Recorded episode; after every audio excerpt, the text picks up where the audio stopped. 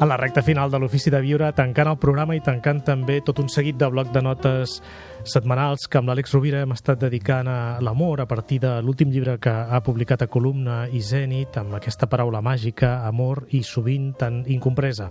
Àlex, ben retrobat. Hola, Gaspar. Bé, hem parlat de la, de la voluntat d'entendre l'altre, hem parlat de la setmana passada... De cuidar, d'estimar com cuidar. I avui volíem parlar d'inspirar. Inspirar és fer gran la vida, dius. Efectivament. Quan parlem d'estimar no només parlem de la voluntat de comprendre o de cuidar, Parlem també, sobretot, d'inspirar.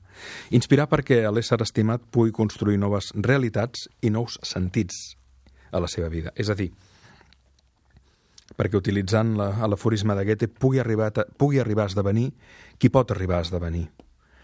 Com ens relacionem amb l'altre? I no només em refereixo a la parella, no amb els amics, amb els fills. Ho podem fer de tres maneres, des de les falses creences sobre nosaltres mateixos, que normalment es projecten en prejudicis sobre l'altre. Si tu penses que l'altre és un mico, s'acabarà comportant com un mico i, per tant, tu acabaràs també sent un mico.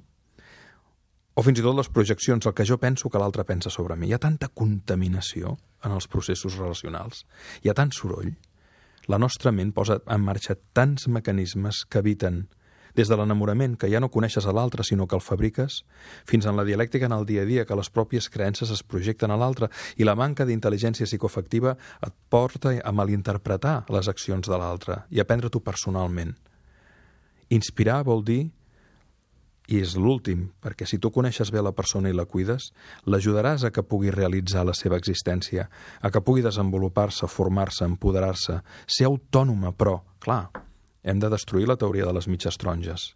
En realitat no som dos mitges taronges, perquè si no buscarem una relació simbiòtica. Som taronges senceres que ens ajuntem per fer un bon suc a la vida, o molts bons sucs.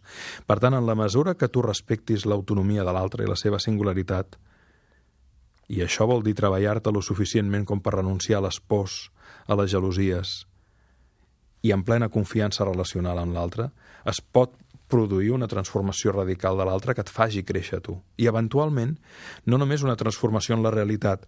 Estimar també és inspirar perquè l'ésser estimat pugui construir un sentit de la vida diferent, molt més potent, que l'ajudi a suportar l'existència en moments d'adversitat i a impulsar-la en moments de benignitat. La pregunta és, som un element d'inspiració per la gent que estimem? Som un element d'alè, de suport? Som un element d'exemplaritat que li permet a l'altre dir, ostres, mira com... Fins i tot en l'atancament de la relació, mira com, com s'ha tancat això. Um, a la mesura que això es produeix, prevalgui o no prevalgui la relació tal i com estava definida, es produeix un creixement espiritual i emocional de l'altre. Però potser ens fa la sensació que ho som i que l'altre no ho sap veure. Aleshores, aquí cal parlar o cal fer entendre a l'altre um, en quina manera som el seu mirall i en quina manera això produeix realment això es produeix realment per la nostra manera de ser, no? Um, torno a dir, en la mesura que nosaltres tinguéssim una capacitació més gran per entendre com funcionem com a persones psicològicament, això ens facilitaria moltíssim evitar el soroll que es genera quan jo projecto una explicació meva sobre un comportament de l'altre que no entenc que per l'altre és totalment normal, però que per mi pot ser disfuncional. En la mesura que ens ensenyessin a parlar els idiomes afectius dels altres, sabríem veure si té sentit que la relació prevalgui o que no. Mm. Més el que hem dit aquests dies, ens falta molta educació al voltant d'aquest Falta educació, ens falta reflexió, i tornem-hi, eh? I ens falta reflexió que no només neixi dels moments de crisi. Ens falta informació per gestionar també la, la, els moments plàcids i els moments en, en el que es genera el vincle potent de la relació. No? Mm. Fixa-t'hi que l'amor es treballa quan fracassa o es trenca.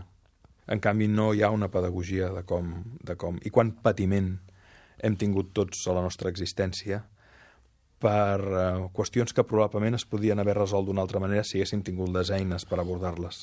Sí, a l'Ofici de Viure, que més o menys té, té moltíssims amics i col·laboradors psicòlegs, a prop d'un centenar, Eh, la majoria coincideixen en que aproximadament la meitat de les consultes, o sigui, la meitat del sí, patiment sí. que veuen eh, té, té relació amb els mals d'amor.